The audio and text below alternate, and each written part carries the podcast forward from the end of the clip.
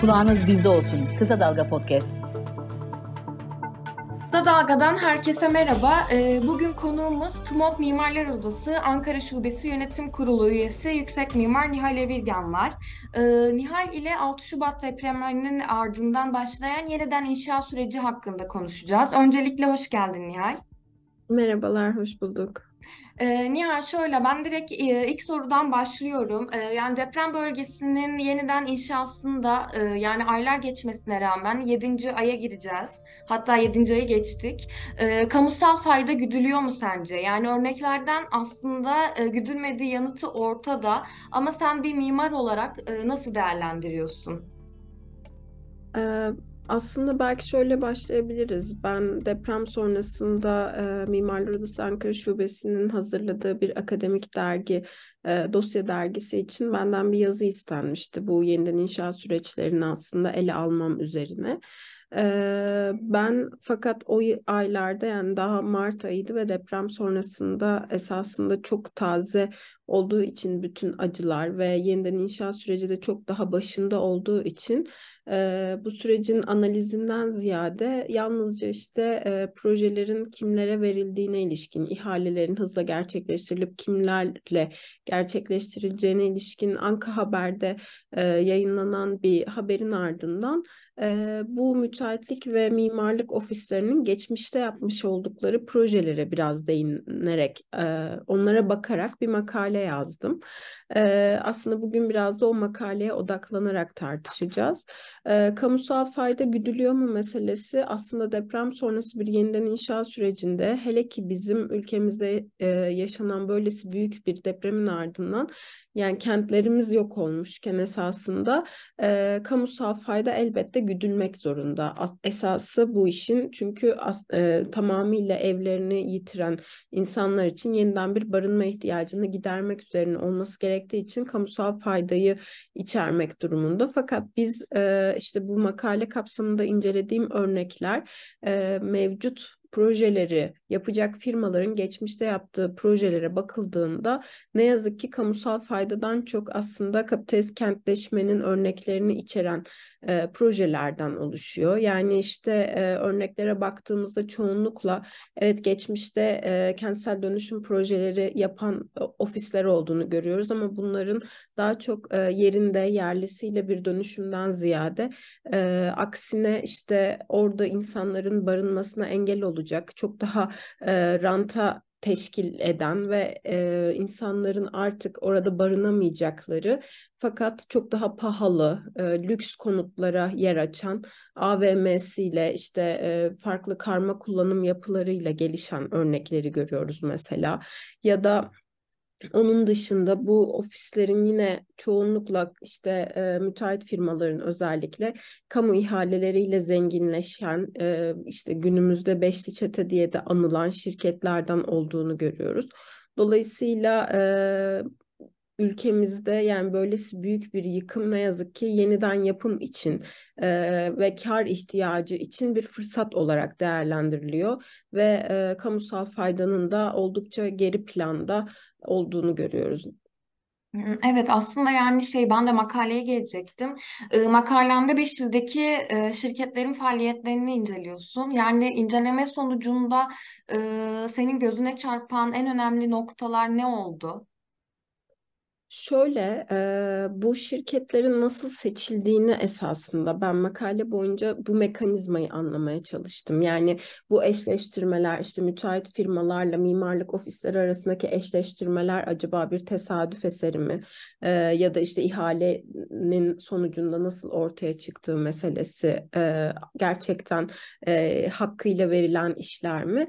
Yoksa aslında bunun arkasında yine bir e, kapitalist üretim mekanizması mı yatıyor? Bunu anlamaya çalıştım ve ne yazık ki söylediklerimiz arasında ikincisi göze çarpıyor. Çünkü e, baktığımızda e, geçmiş projelerinde yine dediğim gibi en çarpıcı mesele e, bu şirketlerin birçoğunun e, özellikle AKP döneminde yani 2000'ler sonrası son 20 yılda zenginleşen e, şirket hacimlerine e, olabildiğince işte bu belki 5 kat, 10 kat hacmi büyüyen e, ve 20 yılda çoğunlukla kamu ihaleleri aracılığıyla esasında e, büyük projelere imza atan, uluslararası alanda projelerini yapmaya başlayan, e, doğrudan Cumhurbaşkanı eliyle ödüllendirilen belki e, firmalar oldukları ve e, esasında bizim hani hem meslek örgütleri hem de kent ve çevre mücadelesi veren işte kuruluşlar, inisiyatifler aracılığıyla da çokça bildiğimiz mega projelerin sahipleri yani mega projeleri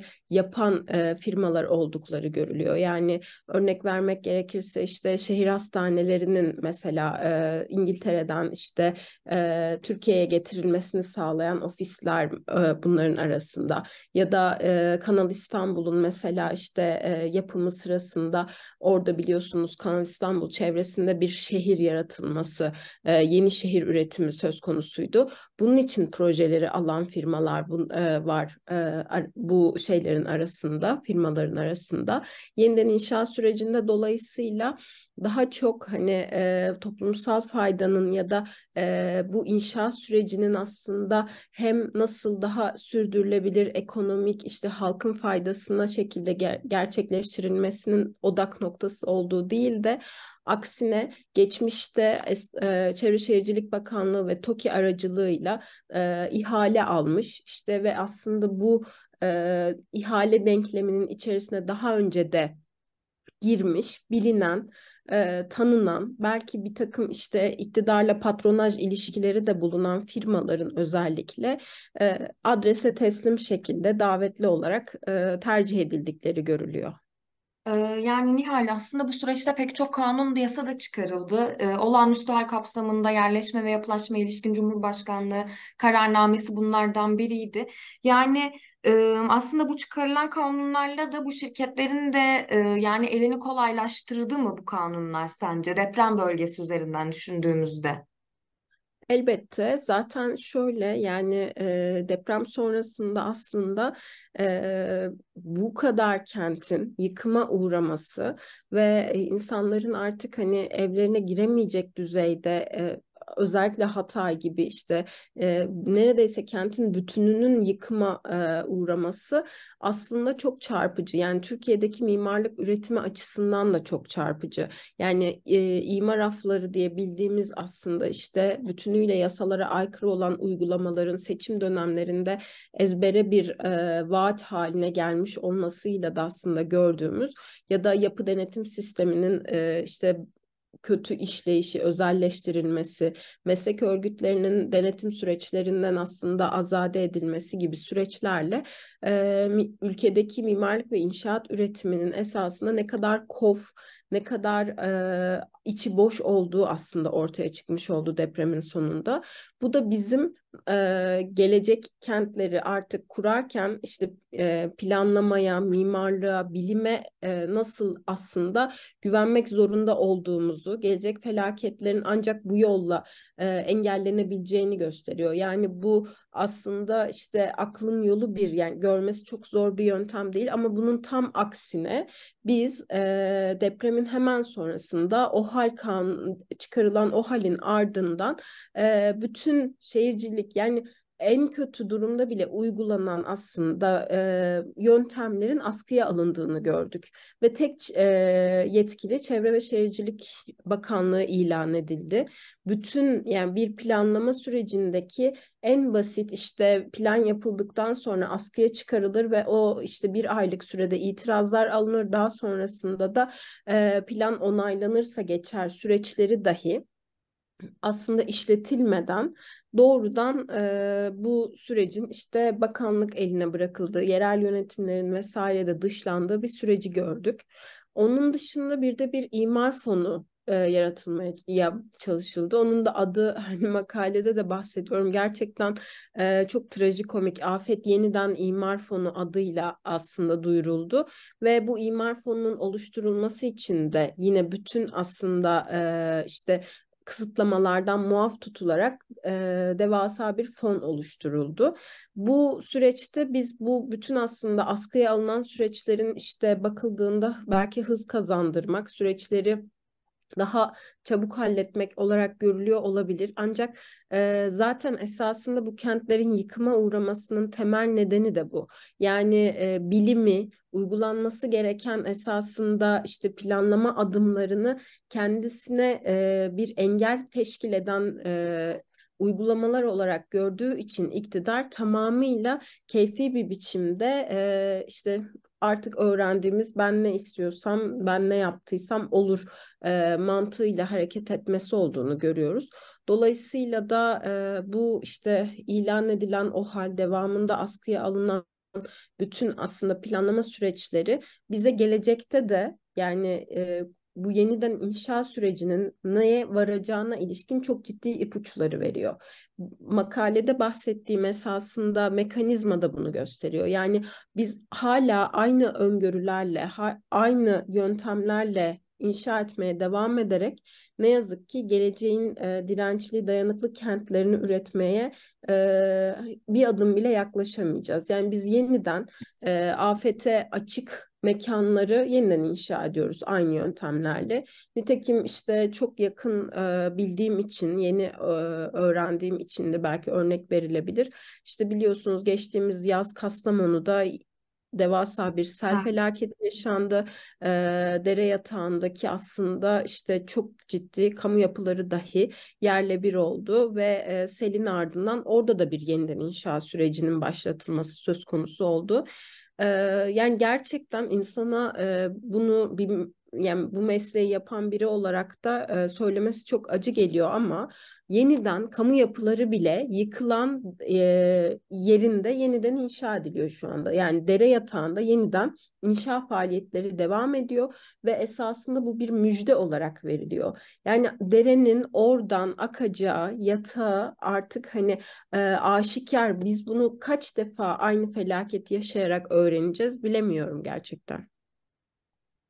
Nihal aslında sen de bahsettin. Hani e, sürekli konutlar vesaire yapılıyor. Ee, ve bunlar mesela e, her gün yeni bir haber de çıkıyor. Yani biz gazeteciler olarak da takip ediyoruz. İşte tarlalarda insanların e, ekmek parası kazandığı yerlerde yakın bölgelerde e, toplu konutlar yapılıyor. E, bu konu hakkında ne düşünüyorsun? Bu aslında tam da az önce bahsettiğimiz e, olağanüstü hal kararnamesiyle doğrudan ilişkili. Dediğimiz gibi e, bütün yetkiyi tek e, ele topladığınızda, Çevre Şehircilik Bakanlığı'nı tek yetkili ilan ettiğinizde e, artık kurum görüşü alıyor olmanıza da gerek kalmıyor. Ya da e, bir yerin işte özel mülk olması ya da tarım arazisi olması, orman alanı olması, zeytinlik olması, e, buraların aslında işte doğal arkeolojik sit alanı olması dahi e, hiçbir anlam ve önem taşımaz hale geliyor ve bakanlık eğer ki işte burası e, yapılaşmaya açılacak diye bir görüş oluşturuyorsa e, artık bunu hiç kimseye danışmadan yapabilir hale geliyor. Dolayısıyla da e, burada biz bu uygulamaların ne yazık ki hayata geçtiğini görüyoruz. Yani e, normalde bu koşullarda hani devlete güvenerek buraları aslında e, yani normal şartlar altında bir devletin zaten kendi kanunlarına aykırı bir e, uygulamayı hayata geçirmiyor olmasını beklersiniz. Dolayısıyla tek elde de toplansa yetkiler yani tarım arazisini e, yapılaşmaya açmayacağını, orman alanlarını yapılaşmaya açmayacağını öngörüyor olmanız gerekir.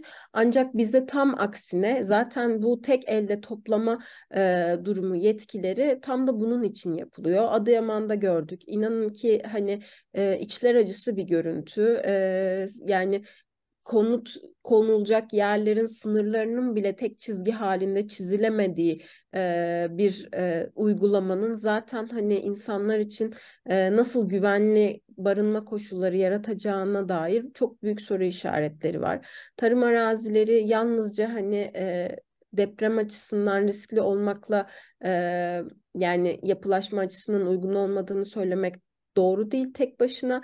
Tarım arazileri bu ülkenin bir yandan da işte geleceğine dair garantileri ya da doğal arkeolojik sitlerimiz bu ülkenin aslında e, bütün varlığı e, yalnızca oradaki in, e, insanlar açısından da değil, bu ülkenin e, bütün vatandaşlarına ait önemli varlıklar. Dolayısıyla bunların birer birer yok edildiğini görüyoruz. Özellikle Hatay'da, Hatay biliyorsunuz çok katmanlı, çok kültürlü bir kent ve e, Antakya'da tarihi kent merkezinde inanılmaz bir hoyratlıkla aslında kültür varlıklarının e, birer birer yok olmaya yüz tuttuğunu, e, koruma çalışmalarının aslında e, yapılması, tek tek özenle her türlü taşın bile orada korunması gerekirken işte biz ilk günden son güne kadar bu özenin asla gösterilmediğini ve bundan sonraki süreçte de Hatay'ın o çok katmanlı halini e, ne yazık ki belki de yani yok olmaya yüz tutacağını gördüğümüz bir süreci işliyor,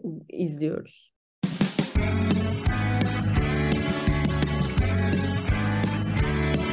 Kulağınız bizde olsun. Kısa Dalga Podcast. Deprem bölgesinde zemin etüdü yapılmadan ihaleye çıkılması sorunu da var. Ee, şey de sormak istiyorum ben. Ee, bu ihale süreci nasıl işliyor? Ee, başından sonuna kadar yani pek çok aslında deprem bölgesinde kalan yurttaşlar da bu sorunun cevabını merak ediyorlar. Bu prosedürü. Kısaca bize anlatabilir misin? Yani anlatmayı çok isterim ancak ne yazık ki bunu kimse bilmiyor. Yani şöyle söylemek lazım. Asla şeffaf olarak yürütülmüyor bu süreçler. Benim makaleye konu aldığım zaten e, yazıda da ihalelerin kimlere verildiğine ilişkin e, işte Anka Haber'in elde ettiği bir aslında veriyle yola çıkıyorum. Daha sonrasında gazeteci Çiğdem Toker uzun süre aslında e, TOKİ'nin yayınladığı ihaleleri tek tek inceleyerek o da e, yazdı ve bunların e, kaç milyar liralara ulaştığına ilişkin de bilgi verdi. E, fakat bu ihalelerin yani nasıl gerçekleştiğine dair elimizde şeffaf bir veri yok dediğim gibi. Zaten işte 6 Şubat'ta deprem yaşandı biliyorsunuz. Onun ardından yani Şubat ayı sonlanmadan neredeyse e, kimlerin buralarda iş yapacağına ilişkin sonuçlar açıklandı. E, şunu biliyorum bir e, Gioder aracılığıyla aslında Gioder ve Keim e, belki bu kurumları da biraz incelemek lazım. E, Gayrimenkul Yatır e, Ortakları Derneği sanıyorum. E, bu aslında dernek özellikle işte büyük müteahhitlerin, inşaat firmalarının, e, mimarlık ofislerinin dolayısıyla e, üyesi olduğu dernek aracılığıyla uluslararası firmaların da davet edilerek işte tırnak içerisinde gönüllü çalışmalar yürüttüklerine ilişkin bir e, yani bakanlık TOKİ ve GİODER aracılığıyla bu firmaların aslında göreve getirildiğine dair e, bir takım açıklamalar var. Giyoder'in bildiğim kadarıyla Mehveş Evin de yazmıştı bunu köşesinde. Ee, yine hani yönetim kurulu başkanı Kalyoncu ve onun sonrasında işte yine biz e, biliyoruz ki ihaleleri alanlar arasında Kalyon Holding en büyük e, firmalardan bir tanesi. Dolayısıyla e, yani bir takım aslında işte yani çıkar çatışmalarını da görebileceğimiz ilişkiler ortaya çıkıyor. Ama e, bu dediğim gibi tek başına aslında e, yani biz şunu diyemeyiz. İktidarın kendi işte patronaj ilişkileriyle ihaleleri verdiği söylenebilir diye tek başına kısa yoldan bir şeye varamayız. Çünkü aslında e, burada karmaşık bir mekanizma söz konusu. Yani TOKİ'nin örneğin yerelde çok daha fazla ilişki biriktirmiş olması ve işte 700'den fazla e, alt taşeronla ilişkili oluyor olması ama Çevre Şehircilik Bakanlığı'nın e, çok daha büyük mega projeleri daha önce yönetmiş olması nedeniyle onun portföyünde de çok daha büyük firmaların yer alıyor olmasıyla bir aslında e, iş dağıtım mekanizması var. Bu aslında Türkiye'ye özgü de diyebileceğimiz kendi e, iştiraklerini üreten işte emlak konut gibi e, aracı kurumlarını da e, üreten bir yapı var Türkiye'de inşaat sektöründe.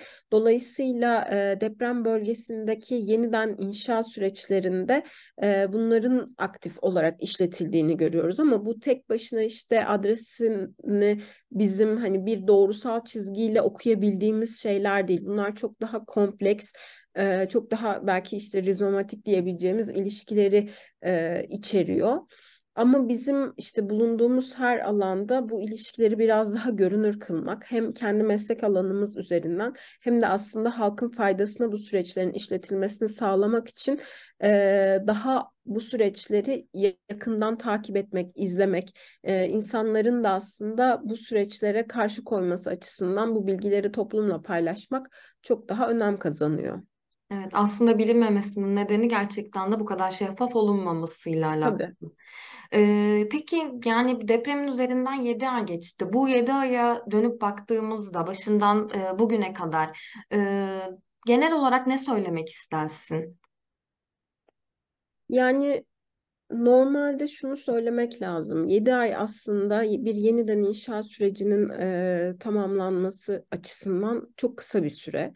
E, dolayısıyla şunu diyemem yani neden insanlar hala evlerinde oturamıyor falan diyemem. Ama bilimsel açıdan biz bunu ilk günden itibaren söyledik. Bir takım adımlar var. Yani e, bir afet başınıza geldiğinde bunun işte bir felakete dönüşmemesi için ilk başta yapılması gereken şey elbette ki hani ilk özellikle hafta e, arama kurtarma faaliyetlerinin sürdürülmesi, o sırada acil barınma ihtiyaçlarının giderilmesi, belki işte hızlı e, çadır kurulumlarının e, yapılması ve insanların ilk etapta kendi güvenliğini sağlayabileceği alanların oluşturulması. Daha sonrasında Burada e, 7. ayın içerisinde olduğumuz için bunu önemli söylemek istiyorum. Hani geçici barınma ünitelerinin çok sağlıklı bir biçimde kurulması gerekiyordu. Bizim ülkemizde en büyük atlanan adımlardan biri bu. Zaten e, işte bir yıl içerisinde 650 bin konut inşa edeceğiz diye bir iddia ile yola çıkan Çevre Şehircilik Bakanlığı'nın 7. ayda bu hedefin çok gerisinde olacağını e, olduğunu görüyoruz. Bunu tahmin etmek de zaten zor değildi.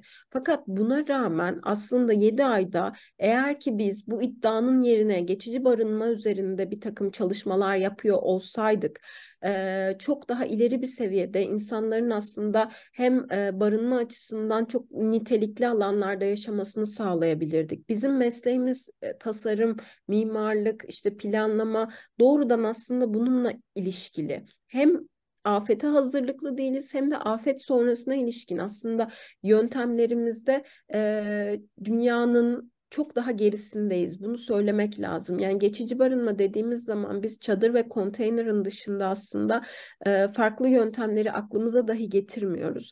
Ya da bugün aslında bizim kendi meslek alanımızda dahi e, geçici barınmaya ilişkin süreçler belki hani bir yılla, iki yılla filan sınırlandırılan e, durumda. Oysa ki biz şunu öngörmeliyiz. Bu çok büyük bir yıkıma uğradı bu ülke. 11 kentte e, yüz binlerce yapının yeniden inşa edilmesi gerekiyor. Belki milyonlarca.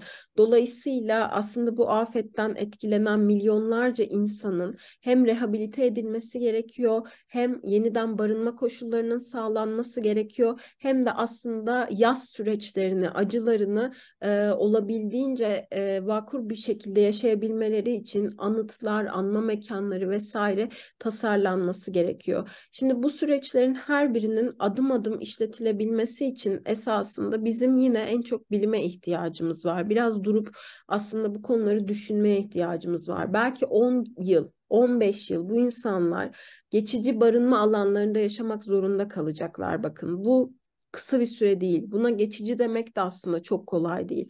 Dolayısıyla esas geliştirilmesi gereken ana alanın burası olması gerekiyordu. Yani biz yeniden bir insanların başını sokabileceği bir konuta eğer odaklanırsak zaten o kentleri planlamak için, e, o kentlerin geleceğini inşa etmek için elimizde olan süreyi olabildiğince kısa tutuyoruz. Bu da işleri çok hızlı, aceleye getiren ve aslında yeniden felaketlere davetiye çıkaran bir süreci e, ortaya koyuyor. Aksine e, bütün dünyada aslında bizim gibi yani belki bizden daha az gelişmiş ülkelerde dahi e, bu afetlerin ardından ortaya çıkan çok iyi örneklere rastlamak mümkün. Yani e, Bangladeş'te, Hindistan'da, Tanzanya'da çok farklı e, barınma koşullarının, geçici ünitelerin ortaya çıkarıldığını görüyoruz. Bizim insanlarımızı biz bu yaz e, 50 derece sıcağın altında e, sivrisineklerin içerisinde hijyen koşulları dahi sağlanmadan e, çadır ve konteyner alanlarında yaşamaya mahkum ettik. Bakın o mekanların gerçekten nitelikleri öylesine düşük ki iç, ısındı mı soğumak bilmez, soğudu mu ısınmak bilmez. Yani kışı nasıl geçirecek insanlar o alüminyum malzemelerden yapılmış mekanların içerisinde? E, tuvalet, banyo alanları hijyenik olmadığı zaman salgınlara, hastalıklara yol açıyor. Bunların başımıza getireceği yeni afetler, işte kızamık salgınından bahsediliyor bugün. Gerçekten görülmemiş yani yüzyıllar öncesinden kalan hastalıklara yeniden davetiye çıkarıyoruz ve bunları art, yalnız deprem bölgesiyle de sınırlı değil. Bütün ülkede e, biz ne yazık ki sınanacağız bunlarla. Dolayısıyla aynı zamanda deprem bölgesinden göç alan kentlerde de ciddi bir aslında e, yoğunlukla nüfus artışıyla karşı karşıya kalacağız. Kalıyoruz nitekim. Her gün yeniden işte ulaşım sorunlarıyla, e, okullardaki sayıların artışlarıyla ya da e, farklı konut fiyatlarındaki işte tırmanışla aslında bütün kentlerde bu sorunu sonuçlarını yaşayacağız. Dolayısıyla bizim acil bir şekilde e, deprem bölgesindeki alanlarda bir kere sağlıklı barınma koşullarını illa hani yeniden inşa e, insanların aslında yeni evlerine kavuşması umuduyla değil Aksine bu geçici barınma ünitelerinin e, çok daha sağlıklı ve nitelikli şekilde planlanmasıyla ortaya koymamız gerekiyor. Ve bunların yapılabilmesinin ancak yolu e, gerçekten kamu faydasını, toplumsal ol, e, üretimi aslında ön plana koyarak olabilir. Yani makalede de ön plana çıkardığım işte öğrenilmiş kapitalist kentleşme yollarıyla e, kar ihtiyacını aslında gidermek için ortaya konan üretim mekanizmalarının tekrar tekrar e, üretilmesiyle asla hani bunların e, üstesinden gelemeyiz. Buna yönelik hani e, esasında değişmesi ve e, yani üretilmesi gereken şey de bana kalırsa hem tabii ki bilim insanlarının ama esasında toplumun taleplerinin bu yönde geliştirilmesini sağlamak. Yani depremzedeler çok haklı. Başını sokacak sağlıklı bir evi istemekte. Fakat e, bizim çok daha iyisinin elde edilebileceğini topluma anlatmamız gerekiyor. Yani e, insanların bu barınma taleplerini çok doğru şekilde aslında yönlendirmemiz, bu talepleri ileriye çekmemiz gerek. Ee, yani aslında sadece bu kadar e, yapılamayanları konuştuk ve yapılamayanların dışında geçici barınma sorununun dışında biz de kısa dalga olarak geçtiğimiz aylarda deprem bölgesindeydik. Çadır kentleri dışında, e, konteyner kentlerin dışında mahalle aralarında hala depremin ilk günü verilen dayanıksız çadırlarda aslında insanlar barınmaya çalışıyor. Yani ne kadar uzak olunduğunun ve ne kadar niteliksiz ve sağlıksız şartlar altında e, hala bölgede insanlar aslında mücadele ediyor. Onu da kendi gözlerimizle de gördük. Yani senin dediğin gibi bu geçici barınma sorunu aslında kentte çok ciddi boyutlarda. Yani kış da kapıda. Evet yazın o sıcak çadırlarda kaldılar ama şu an bir kış mevsimi de geliyor. Ve çadırda yaşamak gerçekten o kadar kolay değil ki hani ve depremin ilk günü verilen çadırları da düşündüğümüzde. Bakın yani çadırda herkes kendisini yerine koysun. Yani e, işte eğlenmek için kampa gittiğinizde bile bir çadırda herhalde 5 gün 6 günün e, ötesinde kaldığınızda evinizi özlersiniz. Yani e, bu koşulları sürdürmek inanın ki 7 ay imkanı yok yani bunu insanlara reva görmek zaten e, nasıl bir e, devlet aklı, nasıl bir aslında e, yani aymazlık ben inanın anlayamıyorum. Çünkü e, o çadırda insanlar çoluk çocukla nasıl yaşamını sürdürecek? Nerede yemek yiyecek? Nerede e, aslında özel alanlarını üretecek? imkanı yok yani bunun ve insancıl olmayan koşullar olduğu ortada. Ee, öte yandan hani bahsettiğiniz konteyner kentler ve çadır kentleri e, insanların taşınmak istemediğini görüyoruz.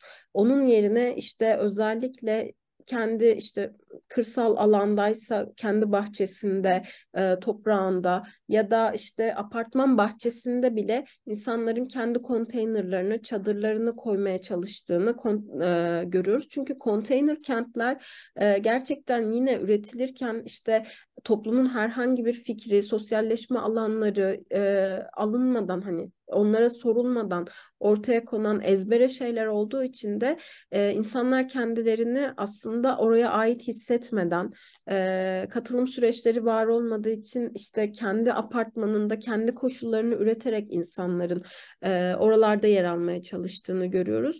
Bunlar inanın toplumsal olarak çok normal refleksler. Herkes kendisini yerine koysun yani öyle düşünsün. Ee, ama bunlar işte gelecekteki aslında mesela ruhsat veriliyor. Bunu biliyoruz. Belediyeler geçici ruhsatlar veriyorlar bahçelerde yapılan konteynerlara.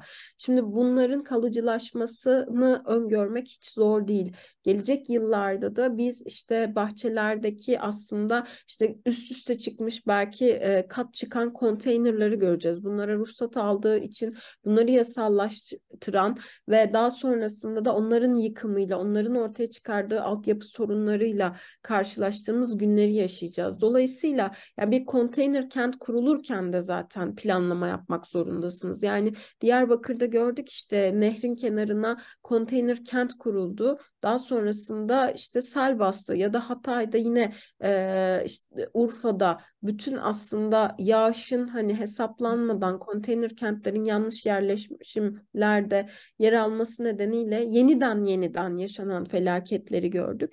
Dolayısıyla yani bunları e, işte plansız, programsız, afete hazırlıksız şekilde ortaya koyduğumuz zaman e, çok daha yani kötü sonuçlarıyla karşılaşacağız ve ben yani elden bir şeyin gelmemesi, e, bütün bunları defalarca söylüyor olmamıza rağmen işte değiştirilmesine yönelik ne yazık ki adımların atılmıyor olması da gerçekten e, yani çok can sıkıcı. İnsanların o koşullarda yaşadığını düşünmek, görmek e, hepimiz için dayanılmaz bir durum. Evet. E, Nihal yavaş yavaş da e, süremizin sonuna geliyoruz. E, benim sorularım bu kadardı. E, çok teşekkür ederim. Çok bilgilendirici e, bir yayın oldu. Senin ayrıca e, eklemek istediğin herhangi bir şey ya da değinmek istediğin e, noktalar var mı? Ben tekrar teşekkür ediyorum hani davetiniz ve bu konuya aslında yer verdiğiniz için. Çok daha aslında geniş bir şekilde makalede konulara değindim.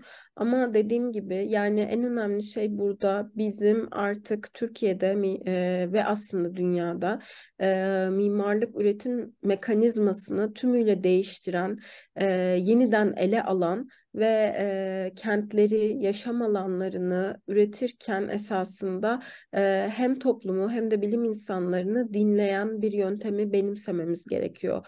Aksi takdirde aynı yöntemlerle aynı şeyleri üretmeye devam ettiğimiz müddetçe yani ne kadar ünlü mimarlar, ne kadar büyük şirketler ya da e, ne kadar aslında iyi plancılar, projeciler ortaya çıksa da biz bu yöntemleri değiştirmediğimiz müddetçe e, hal e, yaşanacak her türlü afette, felakette e, yeniden aslında yıkımlarla, e, salgınlarla, ölümlerle karşılaşacağız. Dolayısıyla bizim esasında her alanda sürdürülen en küçük e, mücadeleden en büyüğüne kadar yani bugün işte Hatay'da Dikmece'de e, zeytinliklerini kendi topraklarını korumaya çalışan e, Hataylılardan tutun da e, kendi yani topraklarına sahip çıkmaya çalışan Akbelenlilere kadar e, aslında bütün bu kent ve yaşam mücadelesini, emek mücadelesini bir arada büyüterek e, deprem sonrası bu yeniden inşa süreçlerini de birlikte izlememiz gerekiyor. E, ben tekrardan hani buna bir vesile olduğunuz için bu sesin belki bir yerlerden bir kişiden bile daha fazla duyulmasına hani sebep olacaksak e, sizlere tekrar teşekkür etmek istiyorum. E, umuyorum yani bu depremin ardından bu yaşanan e, felaketin ardından birkaç da olsa ders çıkarabiliriz. E, kaybettiğimiz insanların anısına e, umuyorum ki o aslında zorluklardan e, birkaç iyi şey öğrenip gelecek güzel günleri birlikte kurabiliriz. Umarım gerçekten de yani 67 depreminden sonra 99 depreminden sonra şimdi de 6 Şubat depremi.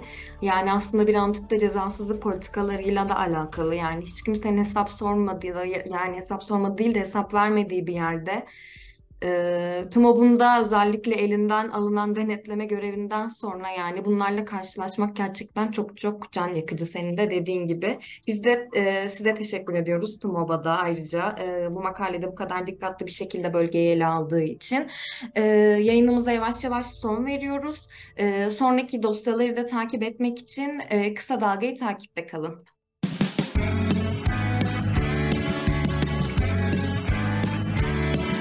Kulağınız bizde olsun. Kısa Dalga Podcast.